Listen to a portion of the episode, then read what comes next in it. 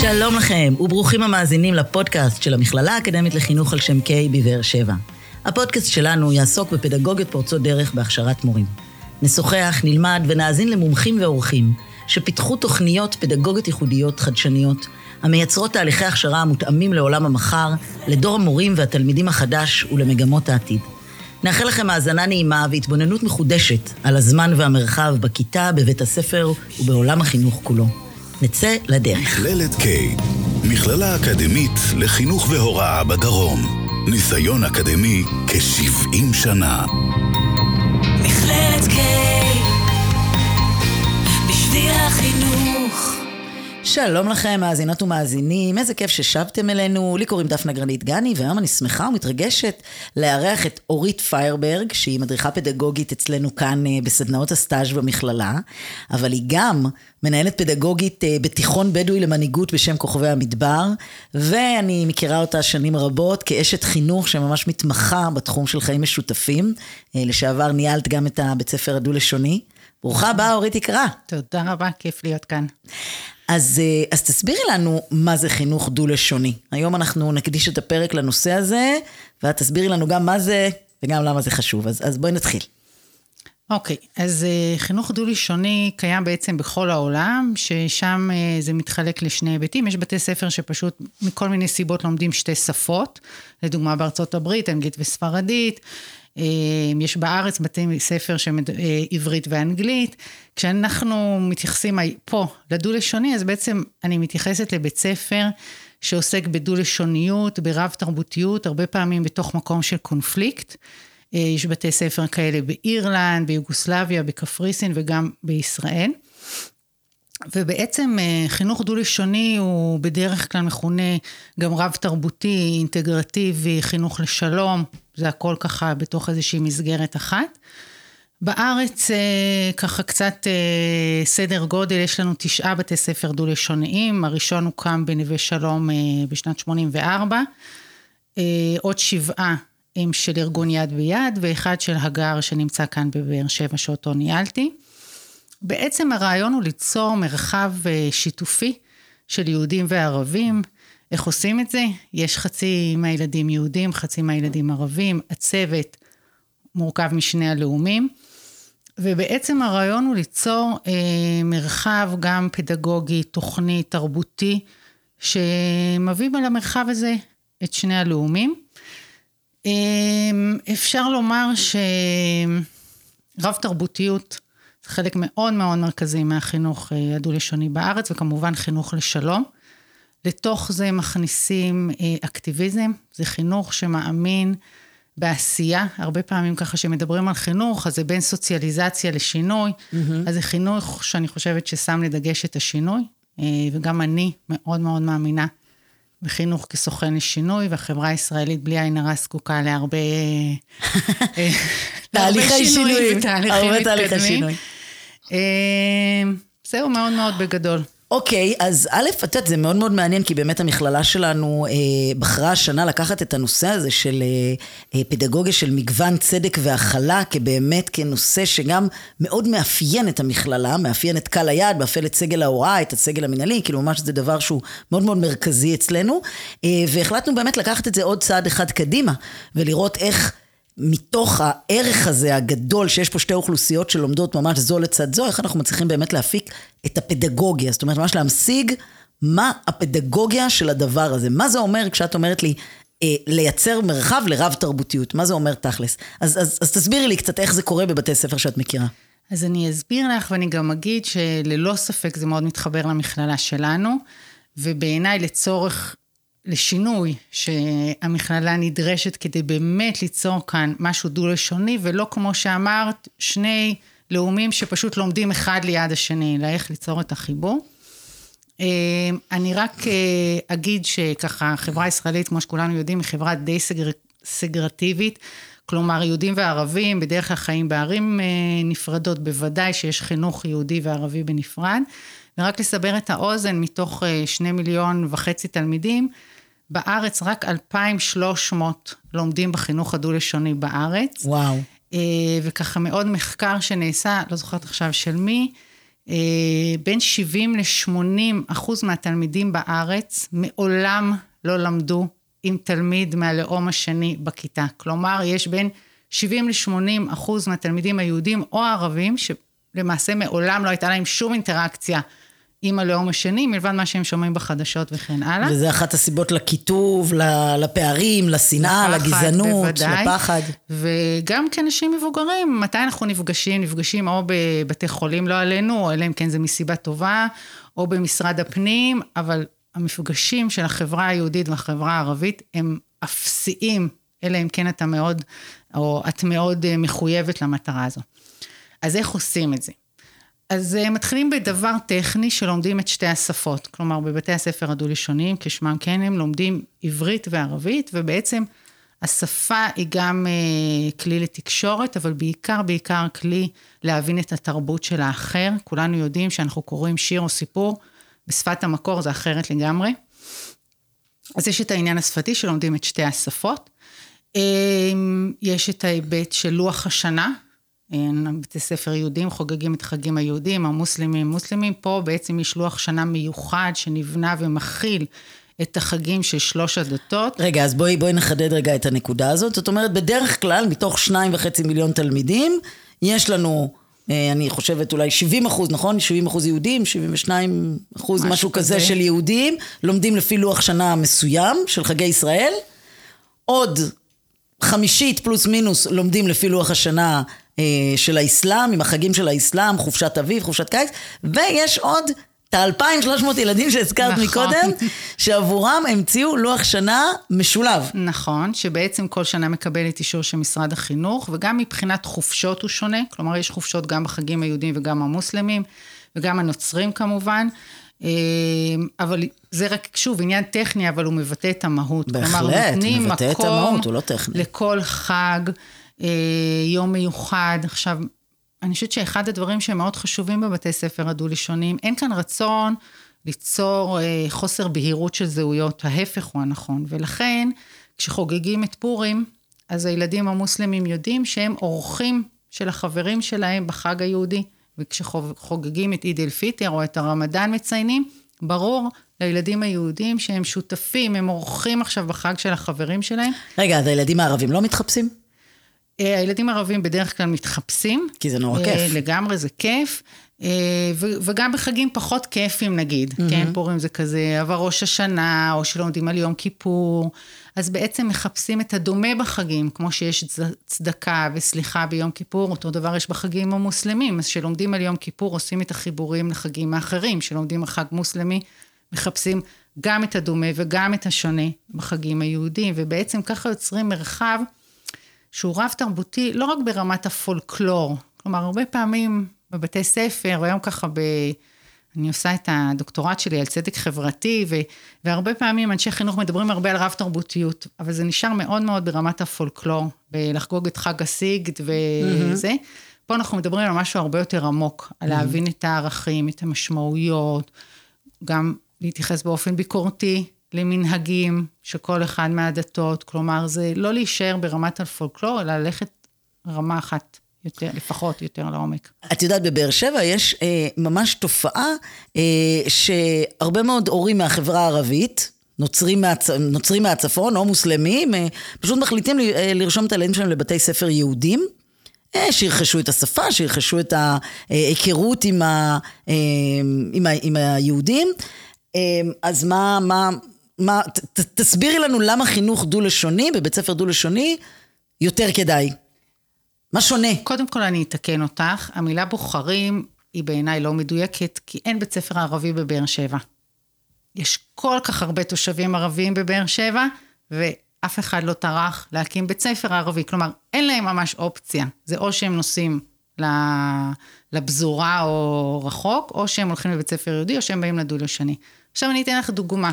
סיפורים בעיניי זה הרבה פעמים הדבר הכי טוב. אה, באחד מבתי הספר בבאר שבע, אה, אתם יודעים, יש אה, שנת בת מצווה בכיתה ו', וכחלק מהשנת בת מצווה לימדו על סידור ועל תפילה, וכחלק מהטקס חילקו סידורים לבנות, לבנות ישראל. וגם הילדה הערבייה שלמדה שם קיבלה סידור יהודי. אף אחד לא חשב, אולי לתת לה אה, קוראן או ספר תפילה אחר. זה מה שקורה שלומדים בבית ספר אה, רגיל. עכשיו, אני לא מאשימה אף אחד, אבל זה, זה בדיוק העניין. אין את התשומת לב, את הרגישות ואת ההבנה שיש כאן אה, תלמידה עם זהות, עם אה, מסורת, עם מנהגים, ומגיע לה שיתייחסו אליהם באופן, באופן שווה ערך כמו לכל דבר אחר. ואז עולה השאלה, ש... סליחה שאני מייצגת פה את אה, פרקליטם, אה, פרקליטה של השטנית, של השטן, אבל אה, אז השאלה היא, אוקיי, אז למה, למה הם באו לבאר שבע? שיישארו ברהט, שיישארו בחורה, שבתל שבע. שאלה מצוינת. מי שרוצה להמשיך לחיות בחברה סגר... סגרטיבית, כמו שאמרתי, מובדלת, ולהמשיך את הקיטוב, זו שאלה מצוינת. זאת אומרת, באמת, למה שיבואו לפה? בואו נמשיך ב...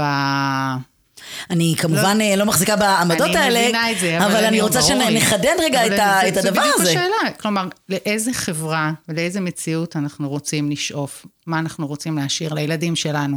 אם אנחנו רוצים להמשיך את הקיטוב, את השנאה ואת הפחד שבשנים האחרונות רק הולכים ומתעצמים, אז באמת אין להם מקום. אבל אם אנחנו רוצים ליצור אה, חברה משותפת, ואני אומרת חברה משותפת כי, ולא, כלומר, אני גרה ב, ביישוב, ואני לא חברה של כל האנשים ביישוב שלי, והדעות הפוליטיות שלי, או לא משנה, הם לא כמו של כולם, אבל עדיין אנחנו חיים בחברה משותפת. ואני חושבת שעתידה של מדינת ישראל הוא ביצירה של חברה משותפת, ולכן יש להם מקום, וצריך לתת להם מקום, לא רק לילדים ערבים, זה יכול להיות אה, אה, לילדים אה, שהגיעו מברית המועצות לשעבר, מרוסיה, שצריך לתת מקום למסורות שלהם, בוודאי לאתיופים, ב- לכל אחד צריך לתת מקום במרחב של הכיתה ושל בית ספר. Mm-hmm. אז אה, אני כמובן אה, מסכימה ומחזקת, ואפילו אני אגיד אולי עוד איזה מחשבה שעולה לי, שבעצם כל הצדדים יכולים להרוויח. ברגע שיש מגוון, ברגע שההטרוגניות כאילו היא נישאת על הדגל, מה שאנחנו אומרים, יש לנו כאן בעצם שני לאומים שלומדים ביחד, אז גם המיעוט וגם הרוב אה, מרחיבים בעצם, כאילו יש פה אה, אפשרות מאוד מאוד גדולה להרחבה. הרחבה של סל הכלים והמיומנויות וההבנות אה, והתפיסות של צדק והתפיסות של הכלה והתפיסות של אה, מי הוא האחר והתפיסות שלי עצמי, כאילו בתור, לצורך העניין, הרוב הדומיננטי מי אני ביחס לכל דבר, אז זה בהחלט אה, דבר שיכול לספק לדעתי לשני הצדדים רווח אדיר. לגמרי, אני חושבת גם ש...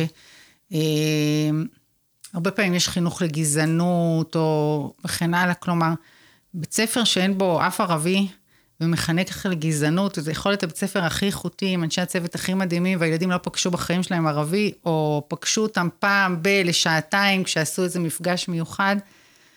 זה לא באמת בעל ערך, ו... וההפך, ילדים ערבים שלא פוגשים יהודים, הם מפחדים מהם, הם שונאים אותם, אין הבדל, בקטע הזה זה היינו הך, עם הניסיון של הרבה שנים משני הצדדים, ולכן החינוך הדו-לשוני הוא כל כך מהותי, ואני חושבת שבבסיס החינוך הדו-לשוני, מעבר אמרנו לשפה ולרב תרבותיות ולדו-לאומיות, יש את, ה... את ההבנה שאנחנו חייבים לשנות את המציאות, ולכן תפיסות של צדק חברתי ואקטיביזם הם מאוד מאוד חלק ממה שבתי הספר הדו-לשוניים עושים. וזה לא רק בעניין הלאומי, זה בעניין של מגדר, ועניין של קיימות, ועניין של עוני. כלומר, כל, כל מורה או, או מנהלת או מורה שתראייני מהדו-לשוני, יגידו שאחד הדברים הכי הכי מרכזיים זה חשיבה ביקורתית. כלומר, להסתכל על המציאות ולהבין שהמשקפיים שאני מסתכלת בהם הם רק אחד, כאילו זוג אחד מיני עשרות, ו- וכל הזמן מדברים על זה עם, על הילדים. בואו ננסה לבחון את הדברים מעוד נקודות מבט, ובואו ננסה להבין איך אנחנו יכולים לשנות את הדברים ולהפוך אותם ליותר טובים, וכמובן שזה גם קשור לתחושה של מסוגלות ו... mm-hmm. וכו'. אז אם את אומרת לי פה שזה בהחלט פדגוגיה מאוד מאוד אה, גם סדורה וגם מעניינת, שכוללת גם חשיבה ביקורתית וגם אקטיביזם וגם כלים של התבוננות וכל הדברים שהזכרת, נשמע בהחלט מאוד מאוד אה, משמעותי וחשוב, אז למה יש לנו רק 2,300? מתוך שניים וחצי מיליון. תראי, הרבה פעמים מדברים על הקשר בין אה, אה, פוליטיקה וחינוך. אני חושבת שהחינוך דו-לשוני הוא חינוך פוליטי בהגדרה, אף אחד לא מנסה להגיד שהוא לא ככזה, יש כאן אג'נדה מאוד מאוד ברורה של יצירת חיים, אה, חברה משותפת, ככה אני יודעת שגם אצלך בפודקאסט עסקתם במשמעות של פוליטיקה בחינוך, ואני חושבת שכאן אולי האתגר הגדול להבין שלמרות שזה חינוך פוליטי, זה לא חינוך רק של שמאלנים, כלומר, יש כאן חינוך שמדבר על הומניזם ודמוקרטיה ו... ואקטיביזם וצדק חברתי שהוא מעבר לעניין היהודי-ערבי, mm-hmm. הוא לגמרי חברתי. אוקיי, okay, אז אני חושבת שהתפיסות שעומדות מאחורי החינוך הלשוני, אני מרגישה שבאמת אה, אה, הנחת אותם אה, באופן מאוד בהיר. אבל הזכרת מקודם ממש את הפדגוגיה, זאת אומרת, מרכיב אחד של הפדגוגיה זה שהכל חצי חצי, זאת אומרת, מחצית התלמידים, מחצית המורים, מחצית מהלוח שנה, משהו מאוד מאוזן. יש עוד משהו שקשור ממש בפדגוגיה, כמו לדוגמה? לגמרי. קודם כל יש תוכנית לימודים שקשורה לפדגוגיה, ואני מבינה למה את מתכוונת. תוכנית הלימודים, לדוגמה, אה, תוכנית אה, שנקראת ציר תרבות חברה ודתות, אז לומדים את שלוש הדתות, הנצרות, היהדות, אין כן, שיעור תורה. כן, אבל מדעים נגיד לומדים ביחד. לומדים אותו דבר. הכל לומדים כן. ביחד, לא, אבל לא כאילו, לומדים אה, אותו דבר. בגלל שבעצם אנחנו שואפים לבוגר, אנחנו. החינוך הדו-לשוני שואפים לבוגר אקטיביסט, חושב, פעיל ביקורתי, אז הפדגוגיה, הדרך של ההוראה, לא משנה של מה, היא גם כזו. כלומר, הרבה מאוד PBLים, למידה מבוססת פרויקטים. למידה מבוססת פרויקטים, אה, שמעודדת כמובן חקר, חדשנות, יצירתיות וכן עבודה הלאה. עבודה בקבוצות. עבודה בקבוצות, בחירה.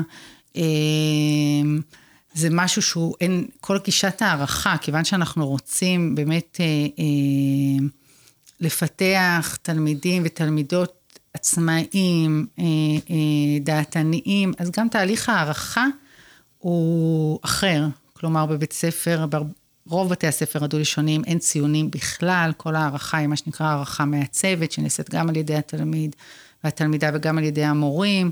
אה, בעצם זו תפיסת עולם שאומרת כמה שיותר השפעה והובלה של התלמידים. זה בא לידי ביטוי כמעט בכל מה שקורה במרחב של בית ספר. ויש את העניין עם השתי מורות בכיתה, לא? ברוב בתי הספר הדו-לשוניים יש עדיין שתי מורות בכיתה. כלכלית זה אתגר מאוד מאוד קשה. משרד החינוך מתקצב כמובן רק מורה אחרת, ואז בעצם... מורה אחת. מורה אחת, סליחה. מורה אחת, ואז המורה השנייה צריכה להיות מועסקת על ידי עמותות, שברור לכל מי שעוסק בחינוך את המורכבות של הדבר הזה. אה, אבל ברוב, ברוב בתי הספר הדו-לשוניים יש שתי מורות, או שתי מחנכות, בוודאי במקצועות שעוסקים במהות. של הרב תרבותיות, לדוגמה במקצועות של החגים, של הדתות וכן הלאה, ימים לאומיים וזה, בוודאי ובוודאי יש שתי מורות. זאת אומרת, כאילו, את אומרת לי, יש מקצועות ש... זה לא כזה משנה אם הם ילמדו אה, מתמטיקה אה, עם מורה דוברת ערבית ו/או נכון. דוברת עברית, כי גם ככה ש, שני הצדדים מדברים את שתי השפות, היהודים מדברים ערבית? אה, לצערי לא. כלומר, הערבית היא לא דומיננטית כמו העברית, עצם זה שאנחנו ככה, השפה העברית היא שפה, אה, השפה השלטת במדינת ישראל. יש שיעורי ערבית? יש שיעורי ערבית לא, ליהודים? בוודאי, כן, כן, כן. כמו שאמרתי, לומדים את שתי השפות. אה, הילדים יותר מבינים מי מדברים, הילדים היהודים אני מדברת, הילדים הערבים הם דו-לשוניים לחלוטין. אה, האתגר של השפה הוא מאוד מאוד גדול בבתי ספר הדו-לשוניים, אבל גם פה נעשה שינוי לאורך השנים. פעם המחשבה הייתה, כן, אנחנו רוצים שהילדים ידעו את שתי השפות על בוריין ושידעו להתנהל בהם באופן אה, מוחלט. היום מבינים שזה לא זה, שזה, השאיפה היא בעצם ליצור ילד וילדה שנוח לה להיות במקום שבו מדברים ערבית או עברית. גם אם היא לא מבינה כל מילה, זה לא משהו שמאיים עליה, זה לא משהו שהיא מרגישה איתו אה, לא בנוח, ההפך. אה, וזו בעצם המטרה, כדי להגיע, אנחנו לא נגיע למצב כנראה, לצערי, שדוברי העברית אה, מגיעים לרמה של שפת אם בערבית. זה לא יקרה כנראה, כי כל המרחב שלהם הוא דובר עברית ואין להם צורך אמיתי. אז בעצם מה שאת אומרת לי זה שחינוך דו-לשוני, יש בו אה, פדגוגיה של שיתוף ואקטיביזם. אבל את יודעת, הפרק הזה הוא, הוא לא על אקטיביזם. זאת אומרת, חינוך דו-לשוני הוא יכול להיות בלי אקטיביזם, או שיכול להיות אקטיביזם שהוא לא קשור. אני, אני בטוחה שיכול להיות אקטיביזם שלא קשור לחינוך דו-לשוני. זאת אומרת, יכול להיות אקטיביזם סביבתי, יכול להיות אקטיביזם, אה, את יודעת, כלפי אנשים עם צרכים מיוחדים, או... נכון. כל מיני אלמנטים אחרים. אבל חינוך דו-לשוני לא יכול להיות בלי אקטיביזם, להבנתי. ההפך אפשרי. אה, ספרי לנו רגע דוגמה, תני לנו רגע דוגמה, מה את מתכוונת? אה, לדוגמה, בשיעור אה, מדעים, בתוכנית הלימודים של כיתה ד', אה, התלמידים לומדים על מים, אז הכיתה התחלקה לקבוצות, כל קבוצה בחרה נושא שמעניין אותה, ABU, ולא ממש זוכרת. אה, אחת הקבוצות אה, חקרה על המים בכפרים הבלתי מוכרים. והכיתה, אחרי שכל קבוצה הציגה את הנושא שלה, הכיתה החליטה לעשות מיזם, פרויקט סביב הנושא של מים בכפרים הבלתי מוכרים. הם בעצם עשו הפגנות פה במזרקות של באר שבע, ושלחו מכתב לנשיא המדינה, ושלחו קליפ, ופנו לחברה. הישראלית בעצם כדי לשנות את המצב הזה, ויש כאן שילוב גם של אקטיביזם, גם של קיימות, כל הנושא של מים, זכויות אדם בסיסיות, אה, ובעצם הם אה, כאן למדו גם את התוכן, שזה נושא של המים בכפרים הבלתי מוכרים, וגם בעצם איך להוביל שינוי. אז אה, בעצם שני הדברים ביחד, גם אקטיביזם, לא יודעת אם לקרוא לזה דו-לשוניות, אבל... אולי זה כאילו, זה, זה אקטיביזם שהייעוד שלו זה הובלת שינוי חברתי דו-לאומי, משהו כזה. כן, זה אפילו לא דו-לאומי. בני אדם צריכים מים, לא משנה מי הם, מה הם, מאיפה הם וכן הלאה. כלומר, אני, אפילו לא, לא, זה לא קשור לדו-לשוני ודו-לאומי. זה החיבור, אני לא חושבת שיש בית ספר יהודי שהיה עושה כזה דבר. עצם זה שבכיתה היו ילדים שהגיעו מכפר בלתי מוכר, אפשר את, ה, את התוצר הזה שהיה כל כך משמעותי עבורם. תגידי, ומי הוא הבוגר הרצוי? של הפדגוגיה הזאת, של, ה, של התפיסת עולם הזאת. דיברנו על אדם שיש לו ראיית עולם רחבה, שהוא יכול להיות אה, אדם ביקורתי, אה, זה אדם שמה, שמגדיר את עצמו כמה? כ, כישראלי? כיהודי ישראלי? כערבי ישראלי? אני לא חושבת שהמטרה שלנו זה לגרום להם להגדיר את עצמם באיזושהי דרך, שהוא מגדיר את עצמו בדרך שבה הוא מרגיש. מן הסתם יהודי, מוסלמי, ישראלי או פלסטיני, כל אחד לפי מה שהכל בסדר, הכל מקובל, אה, שום דבר לא מאיים. ברור לכולנו שמדינת ישראל צריכה להכיל את כולם. כל אחד שיגדיר את עצמו כמו שהוא רוצה, הבוגר הוא בוגר, דעתן, מוביל, אוהב את הארץ, ויחד עם זאת אה, מוכן אה, להשקיע כדי להפוך אותה לטובה יותר. מעניין. יש לך איזה טיפ, תובנה, מסר שהיית רוצה להשאיר למאזינים שלנו לגבי הנושא הזה? אמ, אני חושבת שכדי ליצור שינוי, חייבים להיות אקטיביים. ולשים, וזה לא מספיק לשים יהודים וערבים ביחד באותו מרחב. זה יוצר משהו, זה עדיף מלא כלום, אבל זה לא מספיק. כדי ליצור באמת שינוי וקרבה ודיאלוג, חייבים ליזום פעולות, חייבים לתת מקום. לתרבות של האחר, לערכים שלו. אה, ובעיניי זה משהו, אפרופו שהמכללה, זה משהו שמאוד מאוד כדאי לקדם במכללה שלנו. אה, ולראות איך אנחנו בעצם בתוך שיעור אנגלית, שלהוראת אנגלית מכניסים את התרבות גם המוסלמית ולא רק היהודית. כלומר, איך בכל מרחב אנחנו נותנים מקום של כבוד לשתי הדתות, לשתי התרבויות, אני חושבת שזה יכול להיות מאוד מאוד משמעותי ובעל ערך. תודה רבה רבה לך. בשמחה רבה. אורית פיירברג היקרה, ומה שנקרא, מהפה שלך לאללה ולאלוהים. בעזרת השם. לאלוהי משרד החינוך שיאפשרו ויעודדו כמה שיותר אה, חינוך דו-לשוני, בטח בעיר מעורבת כמו באר שבע, אבל הלוואי ובעוד אה, מאוד מקומות. Mm, אני מאוד רוצה אה, להודות גם לחגי גלילי, העורך שלנו, ולאולפן של מכללת קיי במרכז אדם. תודה לכם, מאזינות ומאזינים. נתראה בפרקים הבאים. מכללת קיי, בשביל החינוך. מכללת קיי, בשביל החינוך.